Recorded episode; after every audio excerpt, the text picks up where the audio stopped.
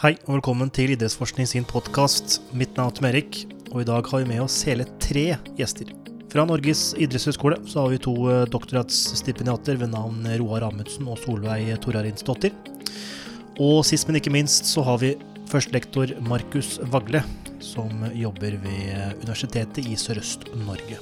Dagens tematikk vil omhandle et prosjekt som heter Ready to Play. Dette prosjektet omhandler kvinnefotball og kvinnehelse, med et stort fokus på skaderegistrering.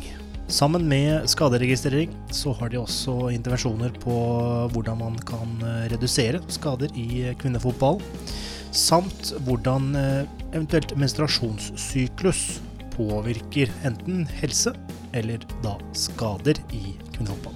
Stort tema, mange spørsmål, så her er det bare å følge med for å få gode svar. Og med det så ønsker jeg deg en god lytting. Roar Amundsen og Solveig Torarinsdottir, velkommen skal dere være til vår podkast. Alt bra med dere? Alt bra, tusen takk. Alt bra. Takk for at vi fikk komme. Dere befinner dere i Oslo, antar jeg. Så dere er jo doktoratstipendiater begge to ved Norges idrettshøgskole, slik jeg har forstått det? Det stemmer. Vi sitter på idrettshøgskolen også, vet du. På hvert vårt kontor. Mm -hmm. ja. Ja, ja, Helt riktig. ja. Vi har jo vi har jo, har jo, hatt en god del fra NIH.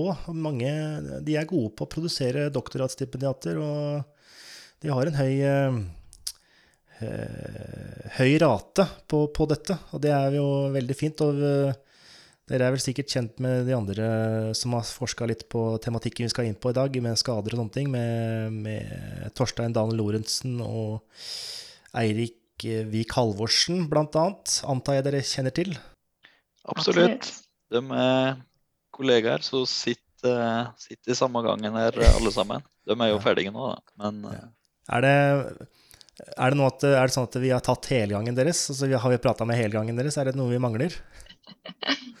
Sikkert noen, eh, noen nye ansikter. Og det kommer jo stadig, stadig vekk nye, nye inn på gangen, så det Det er godt. Mhm. Men eh, litt sånn i tradisjonstro eh, så ønsker vi selvfølgelig å bli litt kjent med dere som gjester.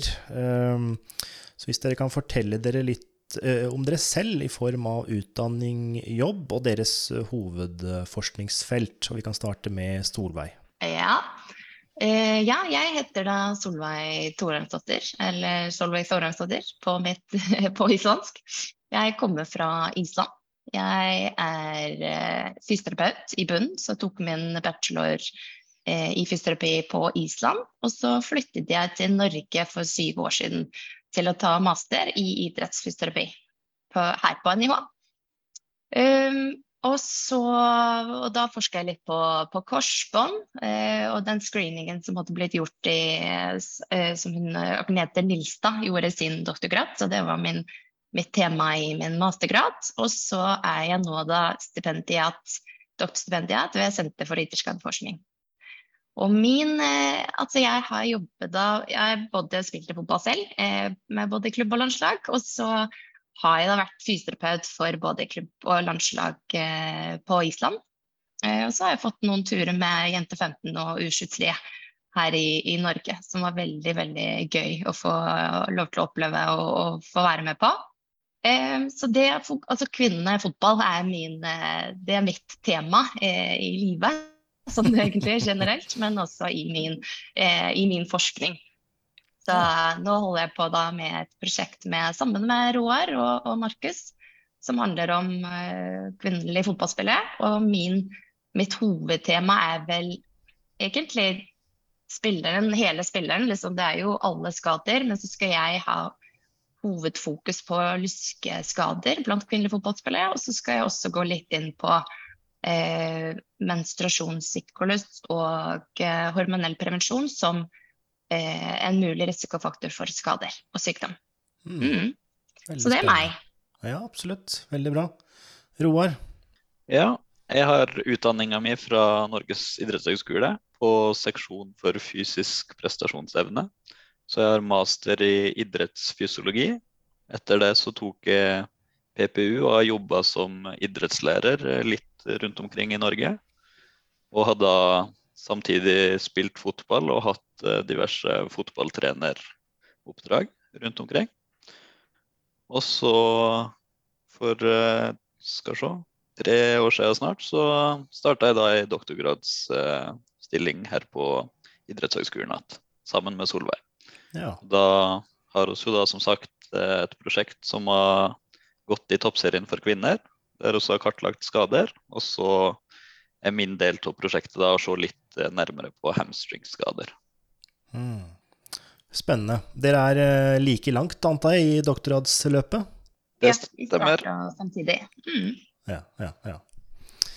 Ja, men Det er bra. Det er litt eh, et spørsmål til deg, Solveig, angående Du er fysioterapeut, sa du. eh, og har vært i fotballen og vært eh, fysioterapeut, hvis jeg forsto deg på Jeg husker ikke om du sa det var på landslaget, eller om det var på U, U15. Men det har jo Ja. vært litt Kanskje ikke mye debatt, kanskje burde vært mer debatt. Men denne, mm, denne eh, praten rundt dette med fysioterapi, eller og det å være fysioterapeut, og dette med fysisk trening og fysisk trener og At mm.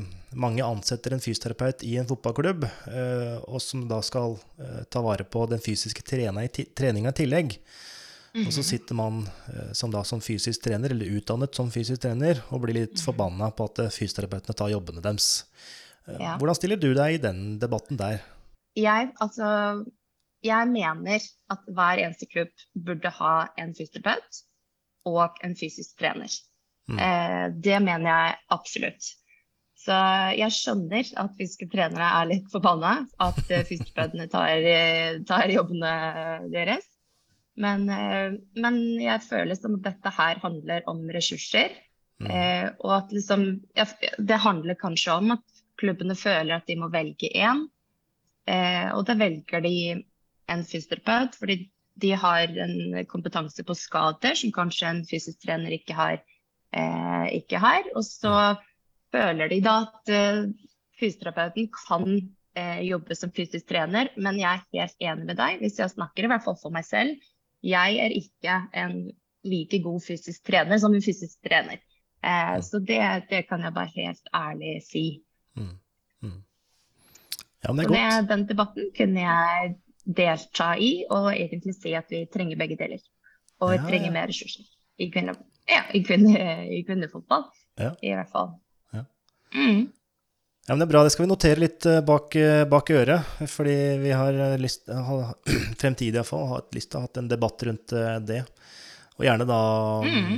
gjerne da hatt noe uenighet, da. Så jeg skulle gjerne hatt deg veldig sterkt på den ene sida, og ikke vært enig på begge. Men det er fint å ha begge Ikke så deler. også, diplomatisk.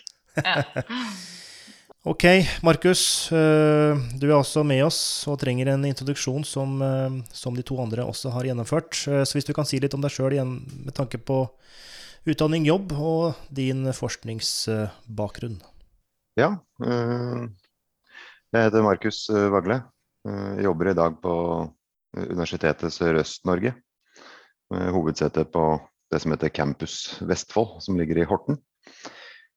Eh, Men jeg har uh, utdanninga mi har jeg hovedsakelig fra idrettshøyskolen. Eh, Så jeg fullførte min master i eh, idrettsfysiologi, eller da med, med fordypning innenfor, eh, innenfor fotball i 2014. Og siden, siden det så har jeg i grunnen jobba litt eh, som eh, vitenskapelig assistent. Eh, jeg har jobba i toppidretten, i, primært da i fotball. Jeg har vært i, i toppserien som fysisk trener. Eh, jeg har vært litt, litt involvert i noen prosjekter eh, med NFF i forhold til eh, oppfølging og, og belastning av yngre landslagsspillere.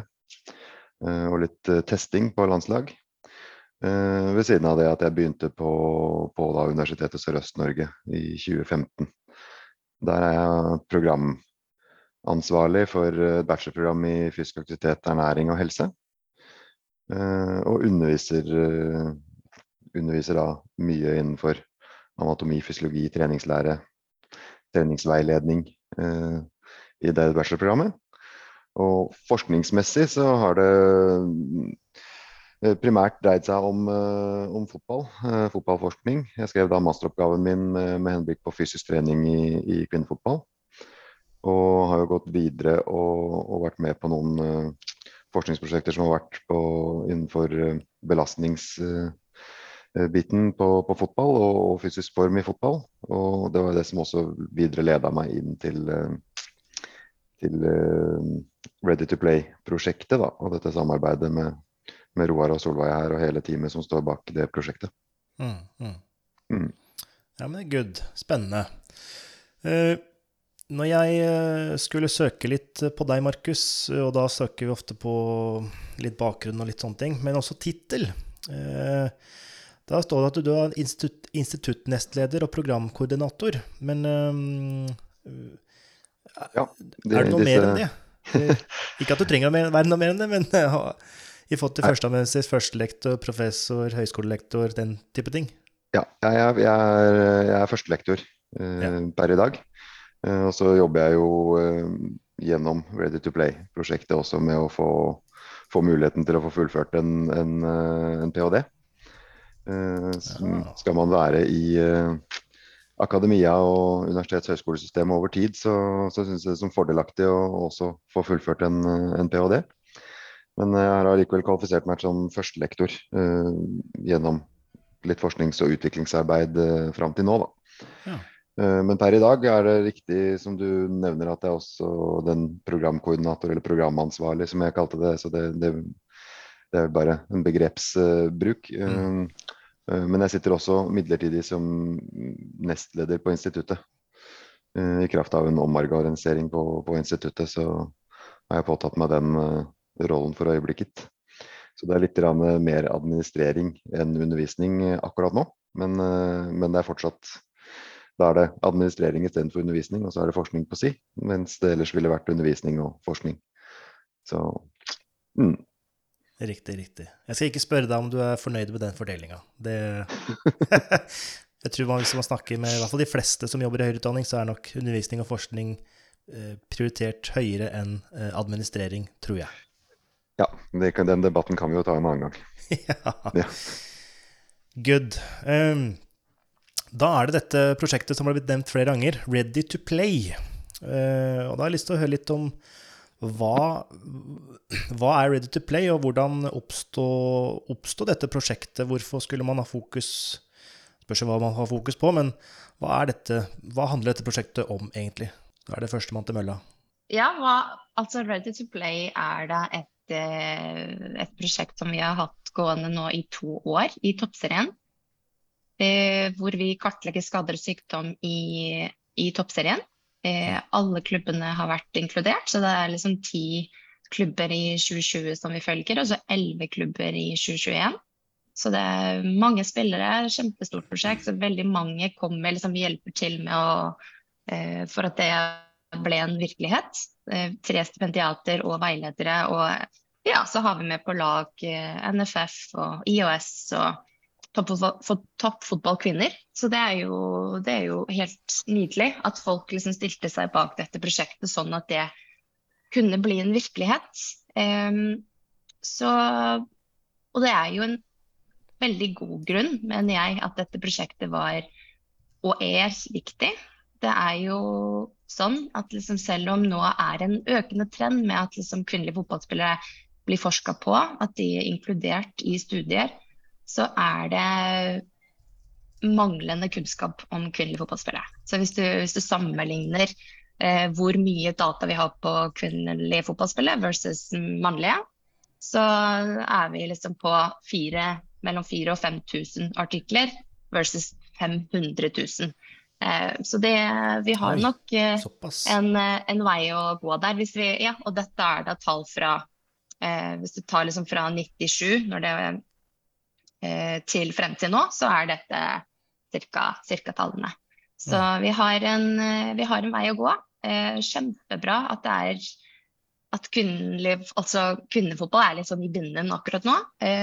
og den Ja, det håper jeg liksom at vi egentlig bare benytter oss av. At, vi, at det blir ja, kommer mer penger inn i bildet. At det, det blir liksom store prosjekter som kan gjennomføres ikke bare her i Norge, men over hele verden, sånn at vi kan få sånn sterkere og bedre data på, på kvinnelige fotballspillere. Når det gjelder skader, som kanskje er mye liksom, min uh, hovedinteresse, men også i for, for, forhold til liksom, prestasjon, som Markus er mer inne på. Mm. Det er jo et, eh, det er jo et prosjekt som favner ganske bredt, da, som Solveig begynte, begynte godt på her. altså I og med at det, det tar for seg alle, alle lagene i toppserien har vært invitert inn her. Og ettersom at vi fullførte en sesong og det var noen som rykket opp og rykket ned osv., så, så har man inkludert lagene og fullt lag som også har vært da eh, kommet opp i, i toppserien, og de som rykket ned i første divisjon. Og I tillegg til å kartlegge skader og sykdom for alle spillerne gjennom uh, to sesonger til nå. Og, dette er jo pågående prosjekt som skal fortsette fremover i tid også. Så har vi jo hatt alle spillerne inne to ganger i året uh, før og etter sesong uh, og testet dem for fysisk form. Så vi har testet dem i styrke, spenst, sprint, agility inne på idrettens helsesenter. Mm. Og I tillegg har vi også fulgt noen av klubbene med, med belastning da, gjennom det daglige treningsarbeidet og kampsesong. Så eh, ja, det, er, et stort apparat og stort samarbeid som, på, som ligger bak det å måte, få prosjektet opp og gå, med at interesseorganisasjonen Toppfotballkvinner har vært med og, og tilrettelegge for at vi kan bidra med at alle lagene kommer seg f.eks. fra Bergen til Oslo for å være på test på Idrettens helsesenter. Uh, NFF har gått, gått, god for å være med her og, og ønsker jo å, å bidra med å få resultatene inn for å se at vi kan være med på å styrke kvinnefotballen. Man har jo et mål om å løfte kvinnefotballen i Norge opp mm. til et høyere nivå på inter, internasjonalt. Uh, ja. Vet ikke Roar om du har enda litt mer å føye til her? Nei, litt av grunnen til at hun starta, var vel at uh, mye av kartlegginga av skader i kvinnefotball er gjort for 10 eller 20 år siden. Og i løpet av de siste ti, ti åra så har det skjedd veldig mye i kvinnefotball. Mer satsing, uh, mer profesjonelt. Uh, høyere arbeids, fysiske arbeidskrav. Så det var vel også å få et bilde over kantskadesituasjonen enn nå. Da vi tenker at uh, en, bildet har endra seg ganske mye i løpet av de siste ti åra. Spennende. Uh, og dere var Solveig som sa det, om dette med um, kvinner og fotball. Det jo, men det er, jo, det er, jo, sentrert rundt dette med skader, i og med at dere er ansatte helvis og delvis på Senter for idrettsskadeforskning. Så når man snakker om ready to play, så er det vel er det ready både fysiologisk og psykologisk? Eh, er det så flere aspekter dere tenker å ta for dere, eller er det ren den eh, hvor fysisk fit du er, og hvor eh, rent om du er fysisk skada med overtråkk, strekk etc.? Eller er det mer, mer enn som så? Jeg tror nok vi, fanger opp mest det fysiske i, i vårt prosjekt. Eh, I forhold til prestasjon og performance, eh, som Markus er inne på, belastning og alt det der. Og så i forhold til skader. Vi kartlegger både skade og sykdom. Men eh, jeg tror nok at den, den metoden vi bruker, ikke fanger opp eh, altså psykologiske faktorer og, og eh, eller readiness. Så det, det, vil jeg si at vi i vårt prosjekt så, så, fanger vi opp og kan kartlegge og gi et godt bilde av eh, fysiologiske og liksom fysiske faktorer. Ja. Til sammenligning så har jo så bruker vi jo metode Solveig, som på en måte gjør at vi fanger opp uh, alt av, av, skade og sykdom, og ikke bare det som på en måte tradisjonelt kanskje tidligere har vært med, med typiske time loss skader, men nå, nå, fanger vi også opp informasjon om spillere som deltar i trening og kamp, til tross for at de f.eks. har ulike vondter. Uh, er litt syke, uh, litt skadet, men, men allikevel kan delta da, til en viss grad. Mm. Det er vel kanskje noe som skiller seg fra, fra prosjekter i, i hvert fall i denne størrelsesordenen og sånn uh, fra tidligere. da. Det er det absolutt. Det er et veldig viktig poeng. At vi bruker en den OSTRC eh, Questionnaire on Health Problems, som er et, eh, noe som ble utvikla her på Senter for utskadeforskning, Anten Klarsen og eh, flere. Også, og det er jo en kjempemetode til å fange opp akkurat det du sier, belastningsskader, som eh, ofte er undervurdert når du kun teller tegnblåskader. Og det ser vi i prosjektet vårt, at vi, de, at vi fanger opp mange av både, både belastningsskader og noe sykdom. Mm. Eh, Så det, bare en avklaring på eh, dette med timeloss-skader. Eh, hva mener dere med det? Ja. Timeloss-skade er altså hvis ei skade fører til fravær fra fotball. Så f.eks. Eh, hvis du får ei korsbåndskade, så har du kanskje ni måneder med fravær fra fotball. Mm. Mens om du sliter med jumpers knee f.eks., så kan jo det være ei skade som hemmer deg litt, men at du fortsatt kan trene. Så med slik tradisjonell forskning på time loss-skader, så vil du jo da kanskje ikke plukke opp en del av de belastningsskadene som kan være et problem, men at du kanskje kan være med å spille, men litt redusert likevel. Spennende. Veldig spennende. Um, disse prosjektene her er jo ongoing, uh, så det er jo begrensa på hva man kan uh, si med tanke på funn, kanskje. Men eh, før vi kommer dit, ehm, så står det Jeg husker ikke hvilket prosjekt det var, men jeg la merke til én setning som jeg syns var veldig interessant i beskrivelsen av eh, et av prosjektene. Og det gikk på Eh, Tidligere skaderegistreringsstudier i kvinnefotball har brukt metoder som ikke egner seg for å fange opp eh, belastningsskader og sykdom. Er det da dette skjemaet dere nevnte som er bedre egnet for kvinnefotball, eller mener dere noe annet? Ikke for kvinnefotball spesifikt, men eh, det er bedre for å fange opp belastningsskader. For som jeg sa i stad, Ah, ei belastningsskade der du spiller, spiller samtidig, vil ikke bli fanga opp hvis du kun eh, registrerer fraværsskader. Så når de har sammenligna disse skjemaene her, så eh, finner de eller får kartlagt veldig mye mer skader med bruk av det spørreskjemaet også har brukt, enn hvis de kun teller fraværsskader. Mm. Uh, og hva er, hva er omfanget her? Eh, Er det mulig å si noe om eh, antall klubber eller deltakere? Dere nevnte både toppserien og potensielt de som har rykka ned, dvs. Si nivået under. Sånn rent demografisk, metodisk, hvor, hvor stort omfang er dette her? Jeg så har jo fulgt alle klubbene i, som har vært i toppserien de siste to åra. Så det er totalt elleve klubber. Og så er det vel eh, ca. 300-350 spillere som har vært med og svart på de ukentlige spørreskjemaene vi har sendt ut om skader Ja, og sykdom. ok. Så dere har da potensielt 104 uker med, fra hver person med skaderegistrering? Mm. Wow. Ja, ikke 104 uker. Også har fulgt dem, fulgt dem i sesong og presesong, og så har de fått Ja. litt pause fra registreringa når de ikke har spilt eh, fotball. Det er jo um, Man kan jo stille seg spørsmålet eller, uh, og tenke at ja, men uh, kan man ikke bare bruke dataene på menn? Uh, og bare anta noe der, og bruke menn som en slags proxy uh, og default. Um, men åpenbart så vil man jo gjerne vite uh, spesifikt om uh, de man uh, trener og, og utøver trening på, og vite litt om de spesifikke populasjonene.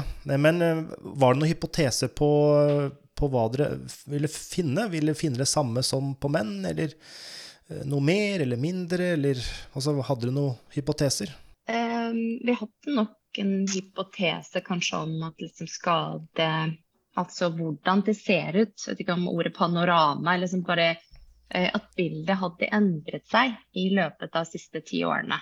Med, eh, med liksom økt Altså både volum på trening, at liksom Altså spillet går fortere. Det er jo altså Altså, ja, selve spillet har bare endret seg veldig mye og kommet opp på et nivå eh, som det ikke var på for, for ti år siden.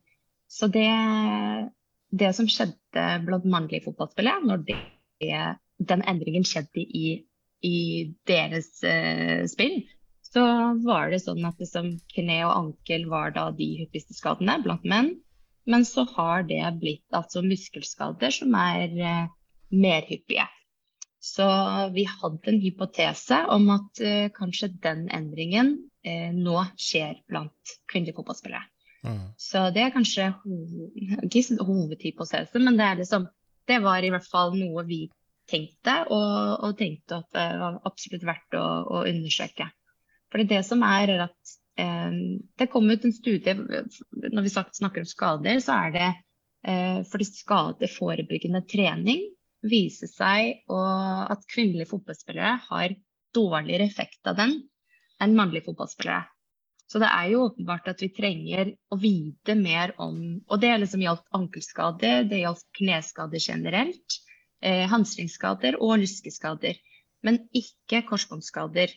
For da, da, da, var det jevnt. Og det er egentlig, tenker jeg, da, i første altså, Da tenker jeg at det er fordi at vi har vært flinke til å forske på korsbånd og kvinner.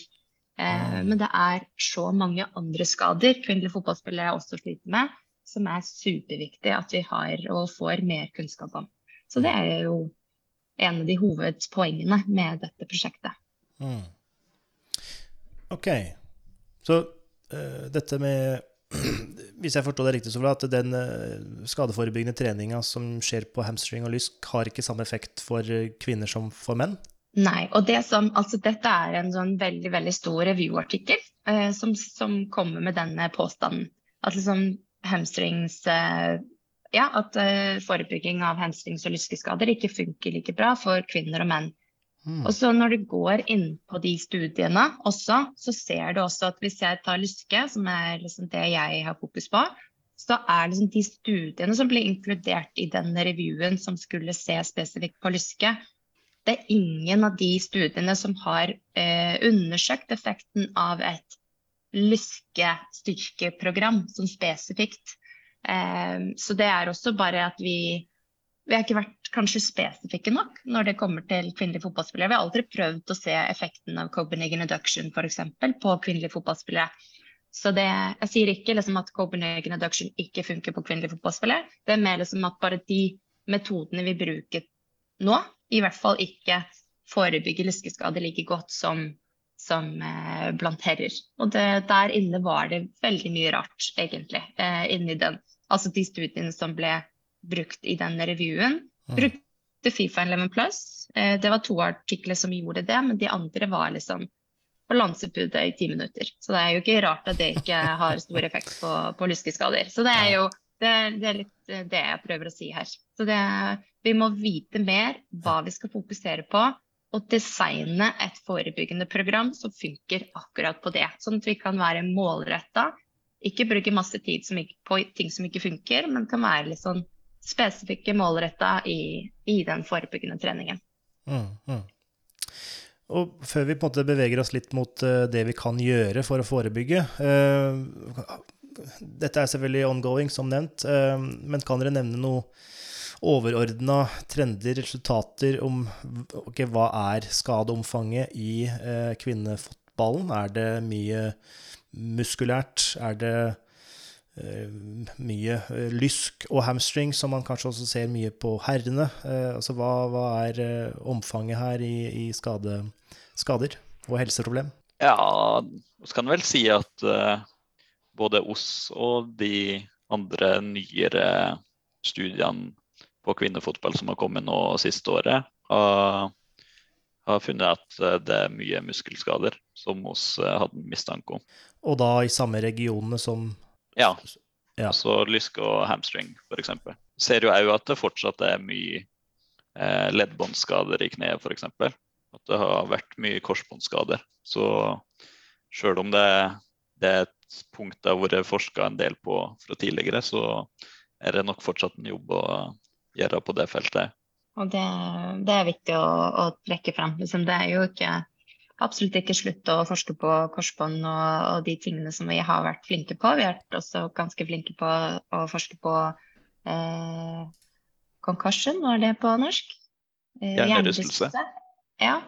Eh, eh, blant kvinner, men eh, så, altså fortsett med det. Absolutt. Eh, og så er det bare å bidra med alt det andre også, som, eh, som er det som er det er det som er gøy med vårt prosjekt. At vi liksom, ja, vi fanger opp alt. Mm. Eh, og håper liksom at vi kan gi et, et godt bilde av hvordan det står til med våre kvinnelige fotballspillere.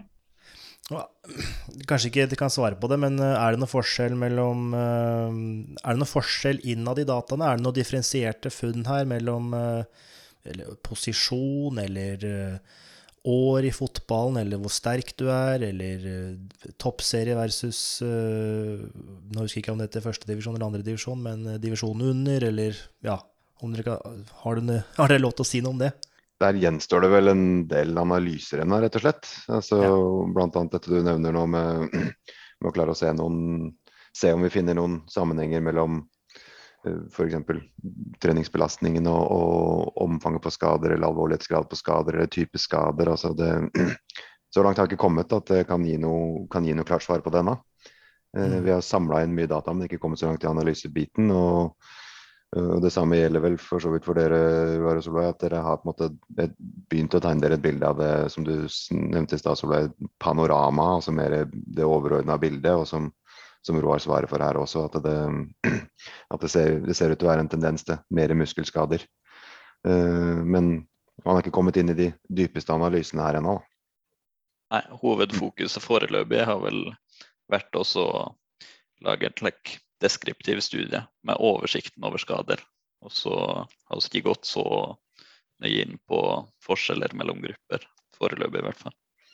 Det samme gjør vi også på, vi også på da, mm, fysisk form-biten, hvor det også i første runde nå kommer en, en deskriptiv og mer sånn beskrivende eh, plan for, eller bilde på hvordan eh, det ser ut for fysisk form og i forhold til eh, styrke, spenst, hurtighet, agility eh, og disse egenskapene her, da, som jeg nevnte innledningsvis. Ja. Mm. Og når jeg da til syvende og sist kommer til å lese disse to artiklene, eh, kommer jeg til å bli overraska over det jeg leser, eller er det litt sånn ja, dette var nok slik jeg tenkte det var? Og da er jo spørsmålet, ble dere overrasket over det dere fant? Nei, oss hadde jo en tanke om at det var mer muskelskader, så oss fikk på en måte bekrefta bekrefta det vi har sett. Mm. Nei, det vi tenkte.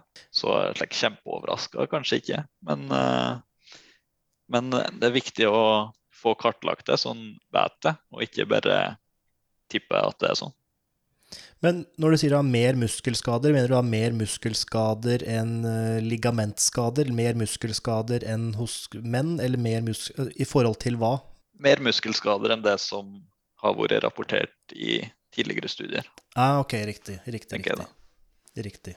Og mm. disse, disse, belastningsskadene som du tenker på, da, at der, der også finnes det Du kan spille med uh, lårhøne, kanskje. Jeg vet ikke om det går inn under uh, disse uh, belastningsskadene deres? Ja, og lyske er jo en sånn klassisk belastningsskade, ikke sant. Så du du har jo litt vondt i lysken, men du kan trene og, og spille kamper. Og så tar du deg kanskje én trening i pause og henter deg litt inn. Og så kommer du deg gjennom sesongen selv om du har lyskeplager.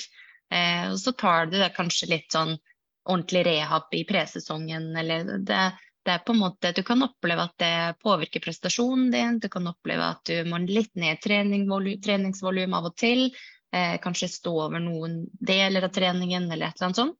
Men at du, du, du kan ha lyskeplager, og det har jeg selv erfart. Altså eh, over en hel sesong. Eh, om du tar på deg disse varmebuksene eller liksom det, Man gjør mye rart bare for å komme seg gjennom en sesong og få holdt seg på banen. Eh, og eh, ja, så det er jo en sånn Luske er jo en sånn klassisk eh, ting som du ville kanskje undervurdere litt med sånne eh, fraværsskadedefinisjon av skade. Så den, eh, den, klarer vi å fange opp. Som tidligere spiller, da, så kjenner du deg igjen, du deg igjen i dataene? Vet du, at det gjør jeg. Eh, ja. Absolutt. Mm. Og, det, og det var også Nå har jeg jobbet med kvinnelige fotballspillere fra 2008 eh, og, og, frem til nå. Og jeg ja, jeg fikk på en måte litt bekrefta det jeg hadde sett og tenkt selv. Så det er jo også mm. som en kliniker, som noen som, som ja, elsker å jobbe med spillere og, og mennesker. Så det, ja, jeg fikk kanskje litt bekrefta det, det, jeg tenkte eh, var på gang. Mm. Ja, ja, så bra. I forhold, til, I forhold til den fysisk form-biten, så var det vel ikke noen store overraskelser der heller. For å ta med det i til, eller det innledende spørsmålet du stilte, Tom Erik. Ja. Og, men vi ønsker jo er også å være med på å se om vi kan koble uh, fysisk form. Om det, er for, om, om det går an å se uh, sammenhenger med at spillere som er vesentlig sterkere eller vesentlig svakere eller sånt, opplever ulike typer skader eller et annet type skadebilde eller belastningsbilde enn en andre. Og, ja. Så er det i mm. tillegg greit å denne deskriptive biten å få, få, etablert et litt sånn nivå på hvor ligger, hvor ligger dette i, i toppserien. da. Uh, for der har jeg i hvert fall som erfaring og eller som bakgrunn som fysisk trener selv savnet litt muligheter til hvor, hvor, ligger nivået i forhold til hvor vi bør ligge med, med tanke på de andre lagene vi, vi sammenligner oss med og som vi kjemper mot. Og hvis man uh, sammenligner de fysiske formfunnene Jeg antar at disse tallene har endra seg over tid. hvis man ser på tidligere forskning, da, type 10-15 år tilbake, hvis det, hvis det finnes. så antar jeg at den kvinnelige fotballspilleren rent fysisk har endra seg fram til i dag. eller er det mye av det samme med tanke på utholdenhet og styrke og den slags? Nei, det, er jo, det, er jo, noe utvikling eh, der også, og det er vel naturlig i takt med den profesjonaliseringen da, som har vært eh, nevnt her, at, at har kvinnefotballen kanskje har gjennomgått. Eh, at man har blitt eh, Ja, man har fått flere profesjonelle spillere, man har fått eh, mer treninger, man har fått mer kunnskap om treningen og profesjonalisert hele biten i, i større grad. Så er det klart at det også har bidratt til en, til en utvikling. og det det finnes jo begrenset med sammenligningsmateriale i forhold til norske spillere, men, men, eh, på noen av de tingene som er mulig å sammenligne, så, så ser en naturlig, en naturlig utvikling som man vil anta skyldes profesjonaliseringen. Ja. Og så er det enkelte ting som også er vanskelig å, å si, at, si, om det har vært en utvikling eh, og ikke. Og, og som også er vanskelig å sammenligne med f.eks. andre studier fra andre land og andre nasjoner. og en av de store tingene her som er vanskelig, er det å sammenligne sprintresultater. Fordi det brukes så mm. mange forskjellige protokoller eh, primært da, eh, på hvordan man F.eks. på hvordan man starter. Og, og det, det, blir jo ganske avgjørende for hva resultatet er. Så forhåpentligvis så kan vi bidra med, med et stort materiale også bidra til å kanskje skape eller ja, være med på å skape rammer for noen Eh, på hvordan vi kan tenke rundt eh, det med å måle sprint og gjøre det mer sammenlignbart også på, på, mm. på sikt. Selv om det er et stort eh, tema å begi seg inn på. Så. Ja, men, men, veldig interessant. Mulig vi ikke snakker om samme ting her, men dette med når man samler inn GPS-data og prøver å definere hva er sprint, hva er høyintensiv løp, og hva er jogg og gåing, så er jo ofte de tallene kommet fra, fra menn. Og vi snakka litt uh, tidligere om uh, Live Luteberg uh, og hennes håndballforskning. At man, når man bruker disse tallene, som gjerne er bygd på fotball, inn mot håndball, så får du veldig lite sprint i håndball, selv om det er ganske mye sprint, eller iallfall mye mer enn hva de finner. Så det er mitt spørsmål på en bruker man de samme cutoff pointsa med tanke på GPS og hva man definerer som ulike ting, hos kvinnene også, eller har kvinnene fått egne Eh, kategorier når det kommer til dette her? Det er nok veldig avhengig av hvem du spør, og det er nok veldig delt.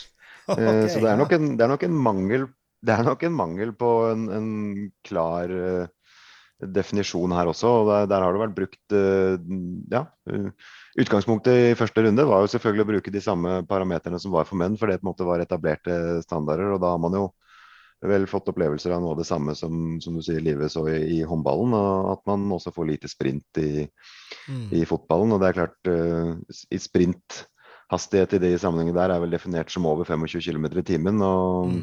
og, det er klart at det er mange, mange av uh, de kvinnelige fotballspillerne som er kapable til å oppnå de sprintene, men, uh, men det er allikevel heller ikke så ofte det skjer. Og, og i og med at det er en ganske høy fart, så, så vil, det, vil, konsekvensen være at du får få sprintere. Det mangler en, en god definisjon der òg. Ålreit. Da har vi på en måte kartlagt litt uh, skadeomfanget i, i kvinnefotball. Uh, da tenker jeg kanskje vi kan bevege oss litt mot dette med hva, hva vi gjør. Hva, hva gjør vi med dette her? Og da har dere bl.a. et uh, prosjekt på um, hamstring. Der er du primus motor, Roar, med tanke på Nordic hamstring-øvelsen og dette med høyt og lavt treningsvolum. Uh, Nordic hamstring er jo en øvelse som blir mye brukt, uh, og sikkert veldig åpenbar at den blir brukt, for den fungerer uh, godt, i hvert fall slik jeg har forstått det. Men dette med høyt og lavt treningsvolum, hvorfor var det interessant? Eh, nei, altså Nordic hamstrings har jo vist seg i flere studier å kunne redusere risikoen for hamstringskader. I hvert fall hos mannlige fotballspillere. Og det programmet de stort sett har brukt i de studiene, går da over ti uker. Og så er det opp mot tre økter i uka med Nordic hamstrings. Eh, og veldig få, selv om det har vist seg å funke, så er det veldig få klubber som gjennomfører hele det programmet. Både pga. Altså, den fysiske treninga vil du kanskje primært legge inn i sesongoppkjøringa. I Norge så har vi kanskje ti uker eh, oppkjøring fortsatt. I de fleste andre land er oppkjøringsperioden mye kortere. Og ja, mange trenere vil vel være forsiktige med å legge inn tre økter med styrketrening når det begynner med kamper eh, og sånn. Så bakgrunnen for det studiet jeg har gjort på høyt og lavt volum, var at det har vist seg i noen andre studier at eh, en kan få Eller at det er samme effekten på styrke, styrkeframgang i hamstrings om du bruker et ganske høyt eh, volum, og om du trener eh, en del mindre. Mm. Og volum da er definert som antall sett, eller? Ja, volum er da definert som antall sett og økter og repetisjoner. Så man kan jo si kanskje at med mindre økter så kan det jo hende, og mindre repetisjoner, så kan det jo hende at kvaliteten på hver repetisjon blir litt bedre. Det er i hvert fall en tanke jeg har gjort med underveks i det prosjektet. Men uh, det er ikke sikkert du kan si det, men hva, hva, er, hva er, lavt volum? Altså, er det tre sett i uka, eller er det Jeg kan uh, altså Det kommer jo litt an på hva du tar, men uh, i den studien jeg har gjort på to kvinnelag, som jeg gjorde uh, i fjor, da brukte oss høyt volum, var det programmet som har blitt brukt i de studiene som er gjort på skader. Så ja, bygge seg gradvis oppover mot tre økter i uka. Der hver økt er tre serier med ti repetisjoner ca. Ja, eh, mens lavt volumprogram hos kjørte, da var det stort sett da ei økt i uka, to sett og fire repetisjoner per sett. Mm, mm, mm. et spørsmål jeg har eh, angående Nordic hamstringen, er jo at den ofte gjennomføres med kun kroppsvekt. Og da har jo ulike mennesker har jo da ulik eh, kroppsvekt eh, og kanskje ja, viss fordeling av denne kroppsvekten.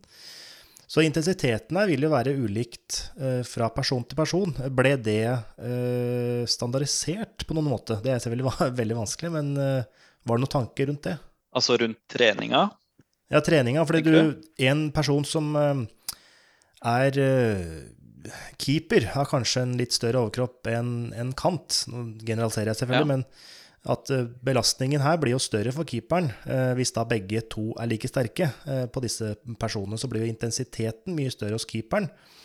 ja, det vil være tyngre, og, tyngre for keeperen å holde igjen. Ja, og så skal det gjøre samme volumet, ja. slik at det blir noe forskjell her i forhold til totale treningsbelastning da, i, i dette, denne øvelsen. Ja. Nei, i treninga så kjørte oss kun Altså kun med kroppsvekt. Og så hvis de Hvis en klarer å kontrollere bevegelsen helt ned, som noen spillere gjorde etter kort, så kan det jo da være aktuelt å legge på enten litt vekt, som har gjort en del studier, eller så er det òg noen studier som da har prøvd å øke farten, f.eks. ved å dytte litt i ryggen eh, på tur nedover. Okay. Riktig. For det er jo hadde jo en masterstudent nå som eh, forsket på det samme. Eh, mot eh, spenst og hurtighet, hvordan det skulle fungere på det. Eh, og da var det litt sånn hva, Men hva er intensiteten her? For det er jo litt vanskelig å definere. ja, men hvis formålet, er, hvis formålet er da spenst og hurtighet, som også er et av formålene i denne studien her, din, Roar, hvis jeg forstår det riktig, ja. at dere også har testa det, så vil det jo potensielt få litt ulikt intensitet, da, noen Eller, eller, eller har dere noe RPE, f.eks.? Noe subjektiv monitorering av belastning? Eh, ikke til belastninga, men hos eh, fulgte Eller spurte om muskelstølhet, eller DOMS. Ja. Eh, og oss som andre studier finner jo generelt lave nivåer av det gjennom hele hele treningsperioder, sjøl om det er kanskje det spillere er mest redd for med den øvelsen her. Men så er det jo da selvsagt noen spillere som, som uh, blir litt større. Men gjennomsnittsnivået er egentlig lavt over hele perioden. Jeg vet ikke, Du snakka litt om fysisk trening, Markus. Jeg vet ikke om du har noe å tilføye? Nei, det er jo Det er jo som Roar var inne på innledningsvis, eh, alltid en kabal fra trenersida å få til å gå opp hva man skal hva man skal bruke tid på, hvor mye man skal bruke tid på det. og som fysisk trener så har man jo alltid jobba med å prøve å få inn mest mulig styrke og mest mulig skadeforebyggende øvelser, som f.eks. Nordic hamstring eller Copenhagen deductor, som også ble nevnt her. Og, og, og, få lov å prioritere og bruke tid på det. Så, men så blir det jo et uh, så blir det jo en diskusjon med en hovedtrener og en fotballtrener da, om uh, om eh, hva man skal måtte ta seg råd til av den, eh, den lille tida man har å bruke tid på.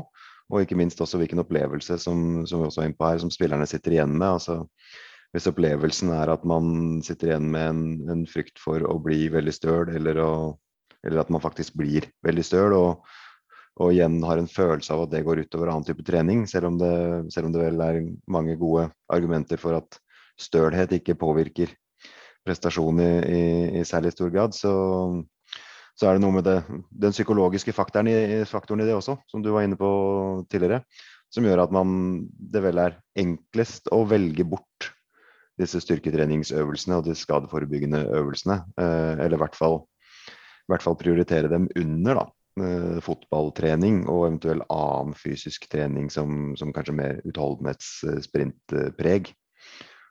Og, og da, da, blir jo gjerne enden på visa at hvis man får lov til å gjøre dette, så, så blir det på slutten av en eh, økt eller i, i, en, eller i perioder hvor det er mindre kampbelastning og, og mindre prestasjonsfokus da, og, behov. Hvis jeg kan bare skyte inn her, fordi du sier det som at man kan eh, gjøre det på slutten av treningen. Og det er det som og det har studiet vist at det funker like bra eh, når det kommer til eh, i hvert fall Fifa 11 pluss. Eh, når de har sett på den i, i, studier, så når de tar styrketreningen i Fifa 11 pluss ut av den oppvarmingen og slenger den på slutten av treningen, så funker det like bra i, sånn, i skadeforebygging. Så det, du trenger ikke å legge, den, legge Nordex og, og Copenhagen i oppvarmingen hvis man opplever det Mm. du sier, Markus, at man er støl eller at man kjenner det litt for mye og føler at det går utover fotballtreningen, så er det om å gjøre å leke litt med det og, og, prøve å gjøre det etter trening og uh, ja, finne litt ut av liksom, om det funker bedre for gruppen du, gruppen du har. Mm. Det, er viktig, det er, et viktig, element, og da så er man da tilbake på noe av det spørsmålet som også Roar stilte, eller dere var inne på i forhold til volumet her, hvor noen da blir mm. usikker på, blir usikker på hvor stort volum de føler de kan ta og, og tør å ta etter å ha på en måte tatt seg ut i en, i en fotballtreningsøkt f.eks. Men, eh, men det er helt klart et viktig element å få fram at, det er en, at du kan ha en like stor effekt, selv om du velger å legge det på slutten. Veldig gode, gode poeng. Um, men altså, også en ting jeg ikke stusser over, men eh, også en ting jeg eh, også stilte denne masterstudenten i forhold til Nordic hamstringens effekt på sprint og spenst. Så sa jeg da hvorfor skal en treg øvelse, som ofte da gjennomføres tregt fordi man bremser gjerne i, i hvert fall nedover, uh, fungere på raske bevegelser? Dette med spenst og hurtighet. Hva er, hva er ideen der, Roar? Eh, altså, ideen er jo at hamstringen er veldig aktiv i, i sprinting, i hvert fall. Eh, og at eh, mer styrke i hamstrings kan være med å bidra positivt. En har jo også sett f.eks. at eh, tunge knebøy, som ikke nødvendigvis uh, går veldig raskt, kan være med på å forbedre sprinthastighet. Mm. Så tanken er vel at økt styrke kan gi seg utslag i økt uh, eller forbedra.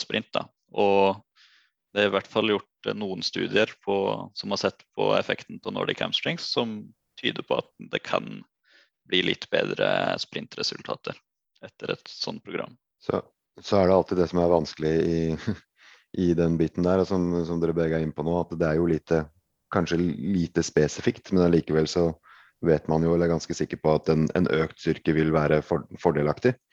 Eh, men det har jo vært spekulert litt i om man etter å ha hatt en periode hvor man har økt styrke, være seg om det er dype knebøy eller om det er en, nordic hamstring for å styrke spesifikke muskler, kanskje trenger en litt sånn overføringsperiode med mer spesifikk trening for å klare å utnytte denne nye styrken til en faktisk uh, høyere hastighet, f.eks. Men dette er, jo, dette er jo vanskeligere å, å, å forske på. Og, og, forskningsprosjektene går jo gjerne over f.eks. 8-10-12 uker med denne øvelsen eller styrketreningsprogrammet, og så tester man i forkant og i etterkant. Og man har ikke på en måte tid og mulighet til denne standardiserte, definerte uh, overføringsperioden eller transition phase-biten med mer spesifikk tilnærming. Da. Mm, mm. Hvis du skal bli raskere, så er nok det aller beste du gjør, å sprinte. Ja, Og så kan, eh, kan styrketreninga være et uh, supplement for å kanskje få enda litt bedre effekt. Så uh, lavt, høyt volum, eh, like effekt. Eh, men dette med Jeg antar at Nordic hamstring hos kvinnen også fungerte bra med med ja, Gikk skadeforekomsten ned, eller holdt den taps på det samme, eller hva, hva, hva skal jeg si Konsekvensen av dette her? Ja, altså Den studien jeg gjorde, så kun da på, på styrke, spenst og hurtighet. Så flykter de ikke videre og så på skader vi hadde det var to lag med på denne studien. her. Hvis du skal se på effekten på skader, så bør du ha veldig mye flere lag med. Ja, så i den studien her så var fokuset da kun på styrke, spenst og hurtighet. Ja, Men jeg hørte fra lagene at eh, de ikke hadde hatt noe særlig med hamstringskader den påfølgende sesongen. Ah.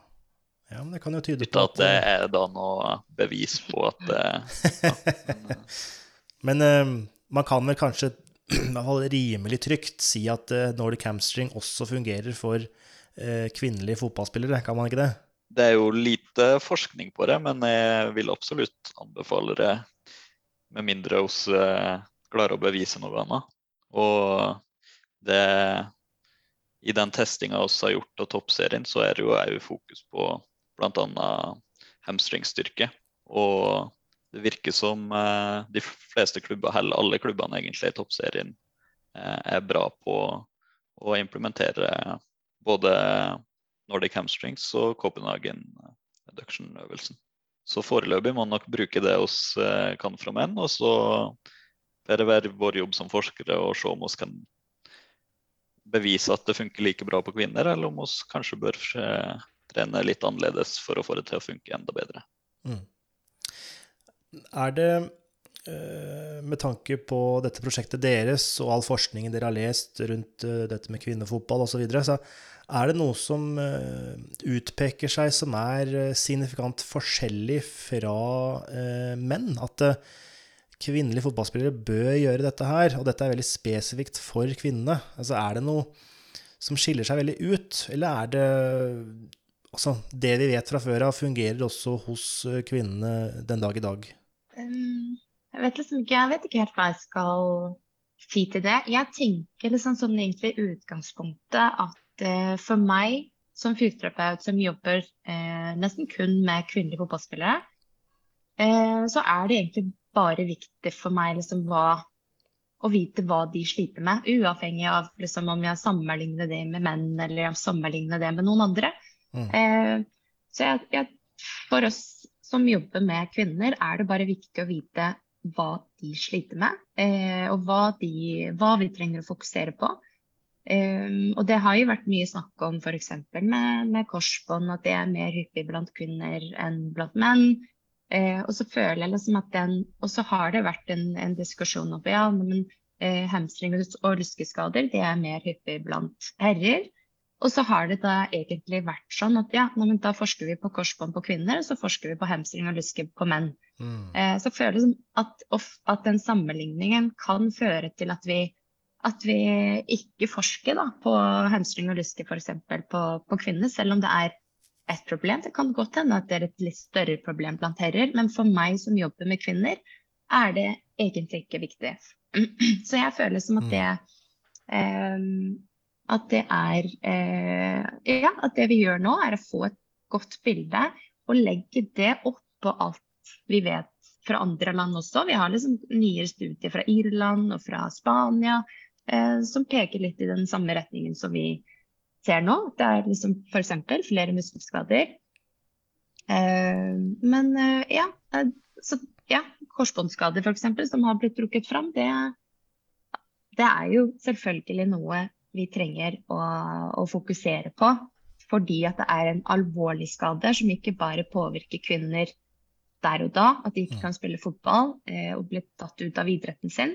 Men det er en, en skade som påvirker livet fremover. Fordi det kan ha konsekvenser for at man får uh, tidligere artrose eller uh, Ja, så, så det, det, er ting vi trenger å fokusere på, men bare sånn egentlig bare ut ifra det bildet vi har på, på kvinner. Mm, mm. Og så er det vel også et viktig poeng eh, som jeg tror Sofia Nymfus uh, har sagt en del ganger, eller skrevet en ganger, om at selv om man finner kjønnsforskjeller i en, om det er biomekanikk, eller om det er skadeforekomst, eller om det er forskjeller et eller annet, så er det ikke sikkert det er kjønnsbasert, men at det kanskje er styrkebasert, fordi styrkenivåene er kanskje litt forskjellige, eller at det er Uh, andre ting da, som, uh, som, er årsaken til denne forskjellen, og ikke kjønnet i seg sjøl. At man blir litt blind av å se på kjønnet.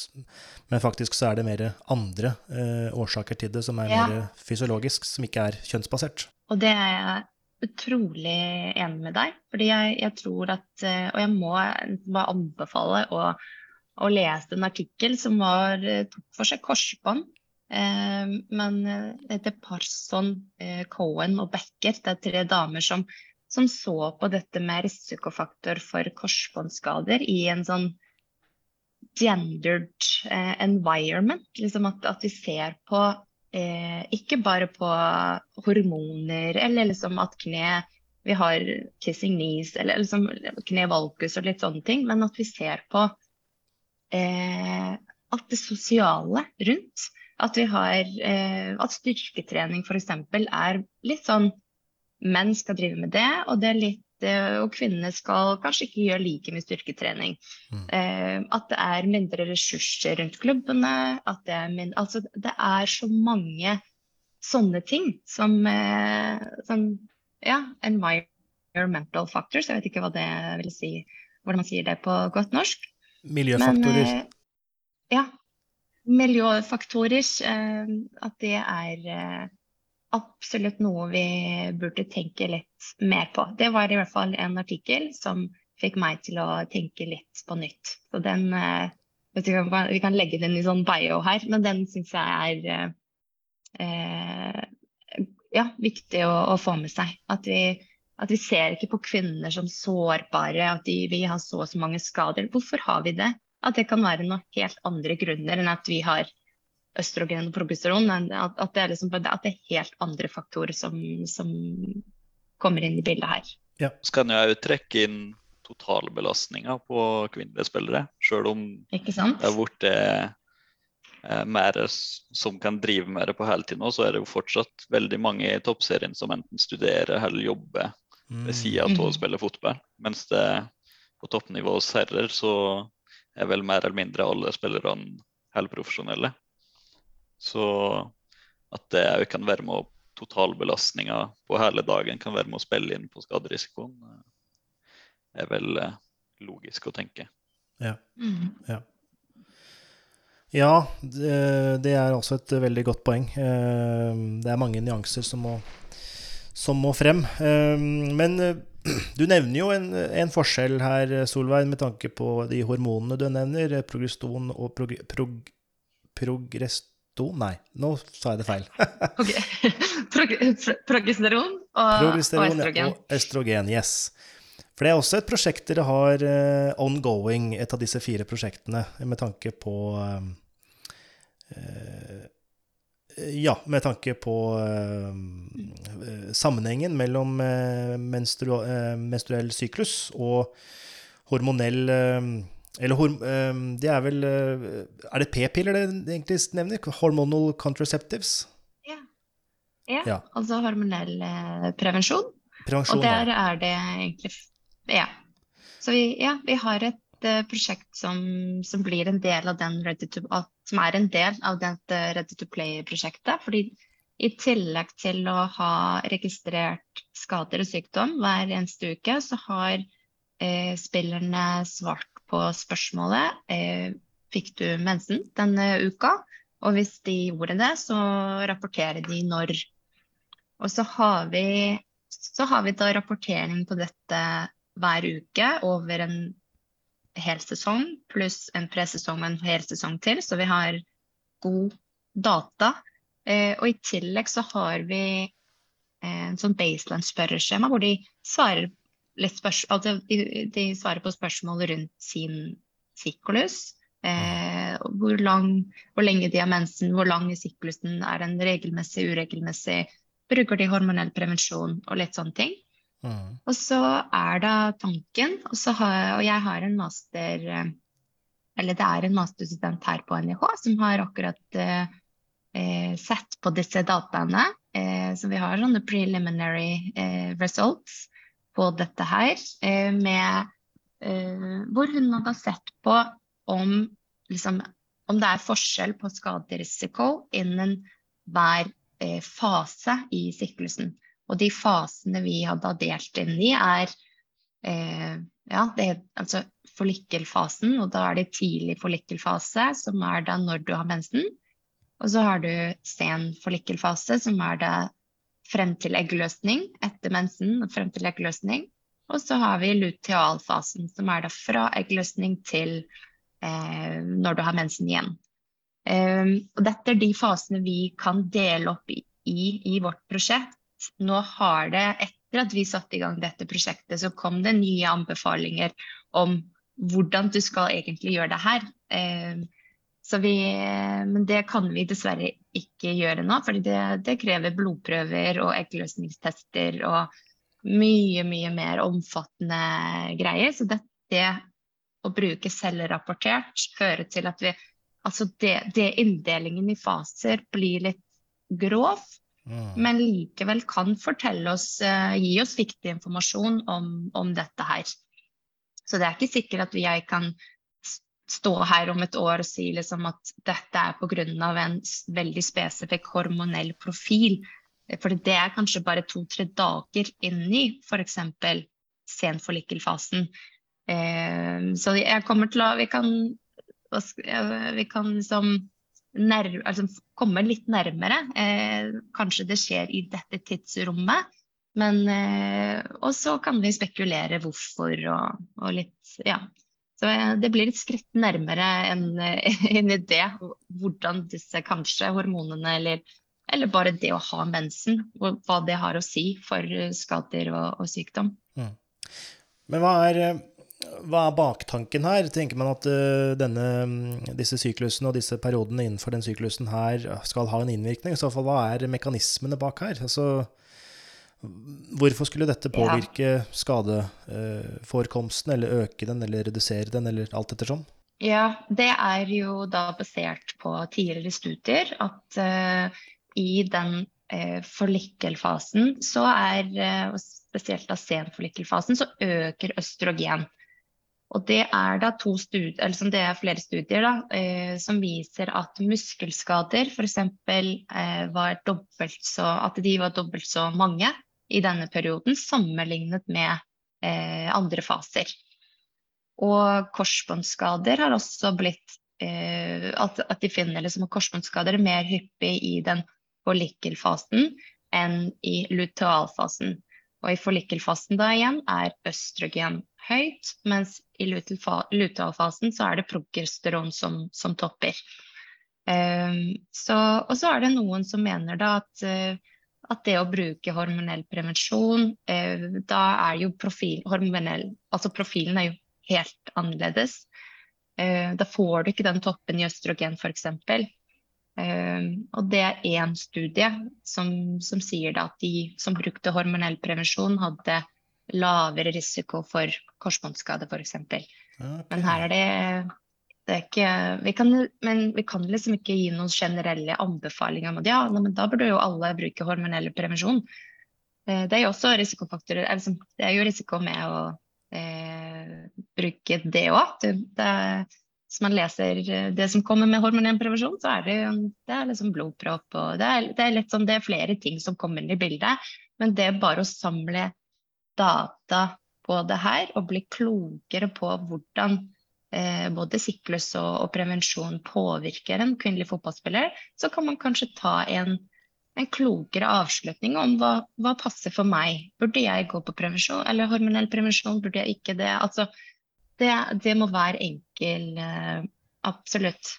Mm. Så undersøke med, med, med, sine folk rundt seg. Det, det, men det å bli klokere på det, det må vi absolutt bli. Mm. Mm. Hadde dere noen eh, hypoteser rundt dette her, dette prosjektet? Og så øh, tenkte man at det var en eh, økning i visse av disse fasene av skader? I, ja, som jeg sier, liksom tidligere studier har da funnet økt eh, risiko for skader mer i den forlikkelfasen. Altså når du har Og så er det litt forskjell på om de har delt i tidlig forlikkelfase og sen forlikkelfase. Men eh, noen studier finner eh, Og jeg tror Grete Myklebust så på dette blant håndballspillere også. Eh, og de finner da at de, har, de hadde økt eh, risiko for skade når de hadde mensen. Og så er det noen som finner da i økt skaderisiko rett etter at de har mensen. Altså fra Så det, det er på en måte det den Hva skal jeg si? Det er den Follikelfasen er den fasen som vi forventer litt mer skader i enn lutealfasen. Ja. Det, det, det, vil være hypotesen. Ja. ja. Så hvis man da drar denne hypotesen her videre, er det da en tanke om at uh, treningsopplegget for kvinner burde tilpasses menstru menstruell syklus? Selvfølgelig vanskelig når man er 11 eller over 20 uh, kvinner på et lag og skal synkronisere alt dette her. Det går sikkert ikke, men er det noen tanke videre på dette? Altså, hva slags praktiske implikasjoner har eventuelt denne forskningen? Ja, og det er et veldig, veldig godt spørsmål. For det er jo eh, Man kan jo eh, Altså, du, det kommer jo litt an på hvilket nivå du er. Men vi, hvis vi er på det elitenivået som vi forsker på, så, og du har ressursene, altså Chelsea f.eks. har gjort dette her i jeg tror to år nå. Eh, hvor altså spillerne selv kartlegger syklusen sin, og de trener både styrke og forebygging liksom ut ifra hvor de er. Eh, at du kan individualisere litt mer treningen. Men jeg tenker altså hvor vi er nå, er vi absolutt Vi er egentlig ikke der. Eh, det er liksom forebygging bør, bør gjøres i alle faser, alt, altså hele tida. Eh, men du kan kanskje tilpasse, være litt sånn mer obs på. F.eks. hvis vi vet at eh, ja, ok, vi har jo litt økt skaderisiko i den fasen. Kanskje jeg burde tenke litt ekstra på at, å sove godt eh, og spise godt. Og til, altså at restitusjon blir optimal. Så det ja, å være litt mer bevisst på det tenker jeg er, er fornuftig. Mm. Mm. Du kan tilpasse da... andre ting. Du kan ikke tilpasse Beklager. Vi skal jo ha mensen. Eh, det er jo en ja. sunnhetstegn. Eh, så, vi, så den, den, skal vi ikke liksom, prøve å bli kvitt. Men, eh, men, det Ja. Men å tilpasse andre ting, det kan, det kan kanskje tenke seg å være en praktisk mm. betydning her. Ja, ja. Så vidt jeg husker, Markus, du jobber jo med kvinnelige fotballspillere, gjør du ikke det? Som fysisk trener? Ja, nå gjør jeg ikke det aktivt lenger, lenger okay. nå, men jeg har jo gjort det i, i mange år. Mm. Riktig. Og Var det noe fokus på dette vi snakket om eh, da?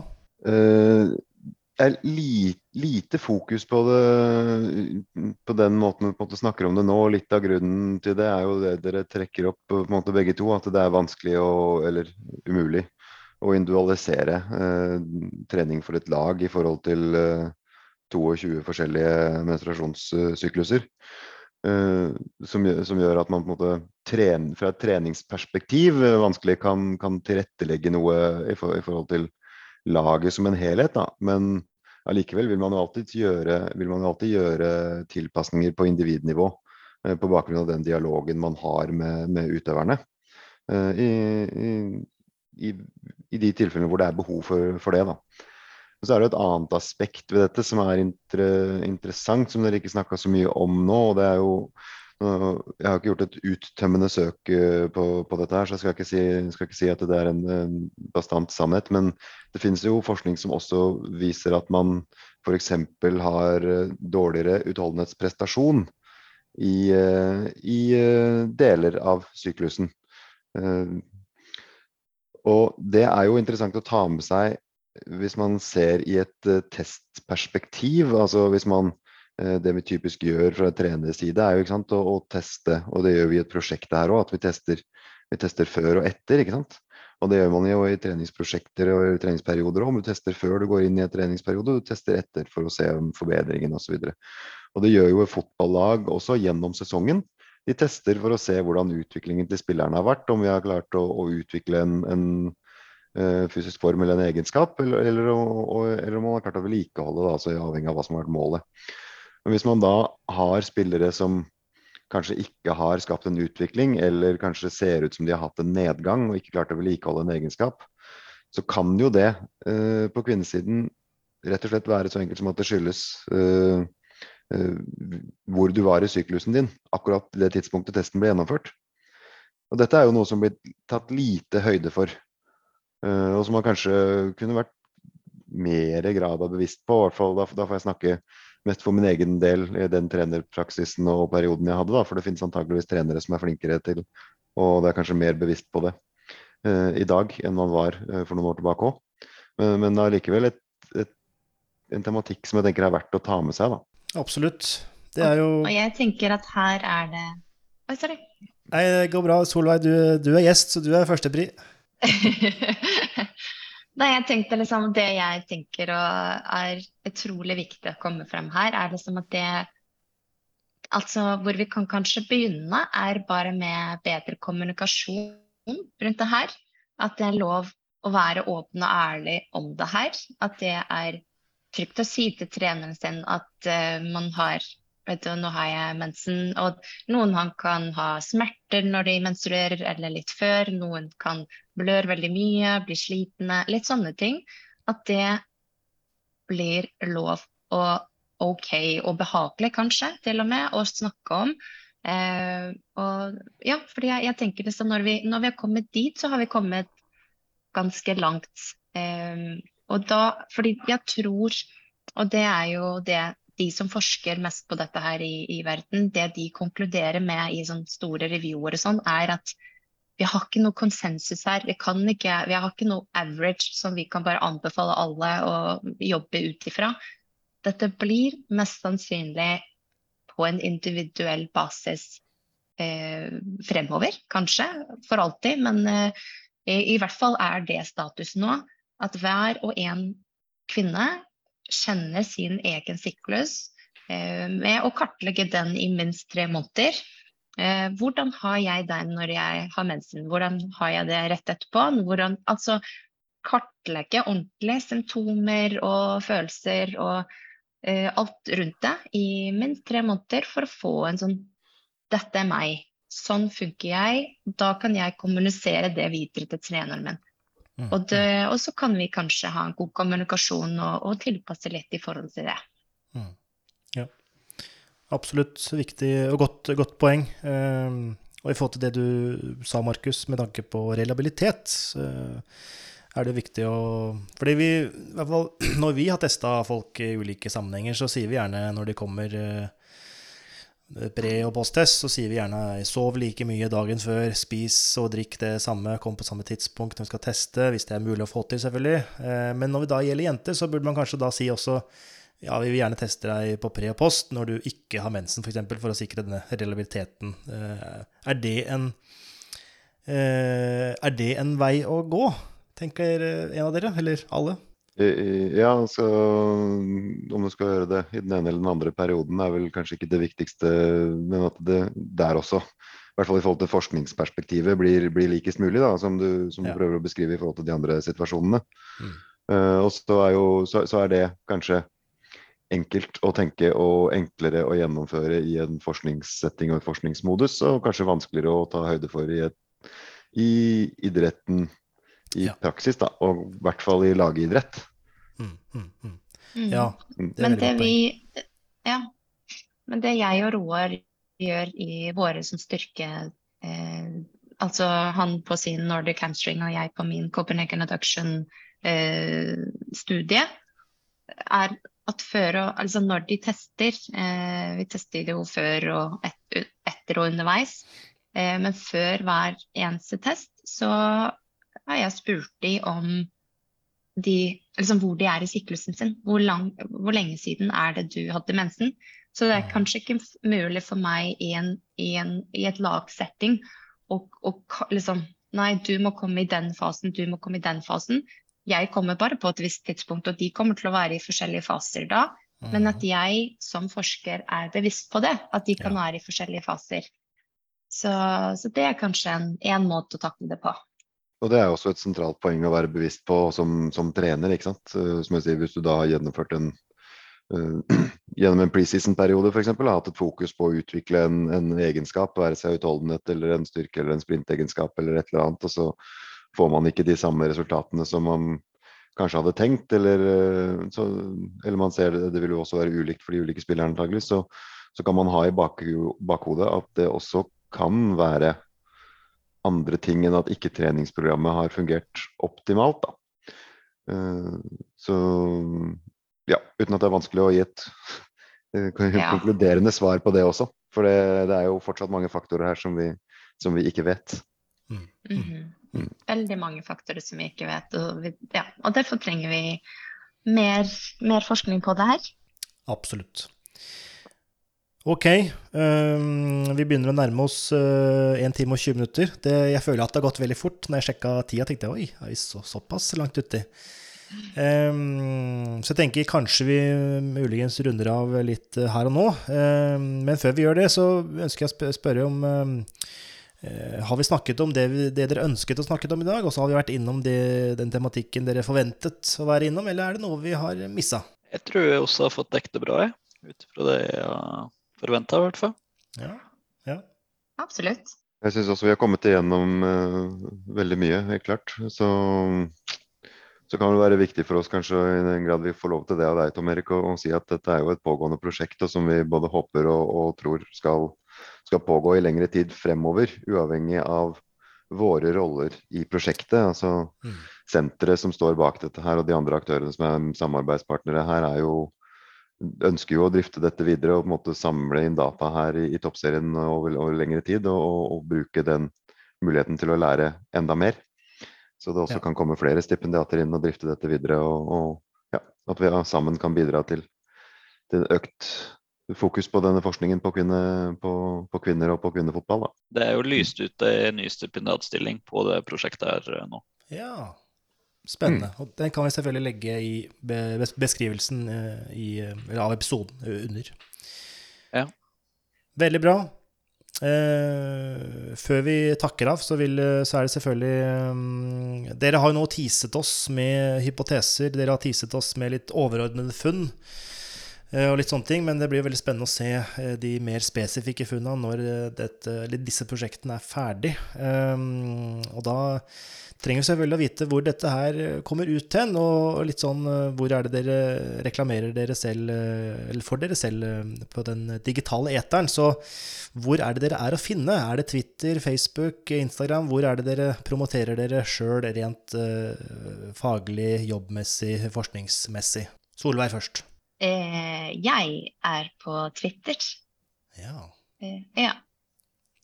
Og ResearchGate, antar jeg? Eh, altså, jeg tror jeg har en profil, men jeg har glemt å logge. Så jeg, det er ikke så veldig mye der. Ok, med Twitter iallfall. Twitter er jeg på. Ja. Og Roar?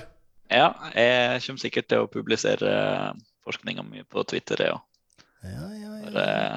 Roar Amunds eller et eller annet i den dur. Perfekt. Eh, Markus, er du på Twitter? Jeg håper du sier ja nå. Jeg er også på, på Twitter, og i forskningsøyemed så er vel eh, Twitter som er eh, den, den plattformen jeg vil jeg, jeg bruker mest, ja. Så, så finner man meg jo på andre, med andre plattformer også, men de siste årene, de siste rundene også har man jo hørt mange som har sagt noe om hvilke SoMe man er med på og ikke, og det er vel Det finnes jo så mange plattformer at man er jo håpløst å følge med på alle sammen. Så vi får velge oss en og fokusere litt på den. Ja, ja. Twitter er nok Jeg har faktisk ikke hatt eh, eh, Twitter er det beste forskningssosiale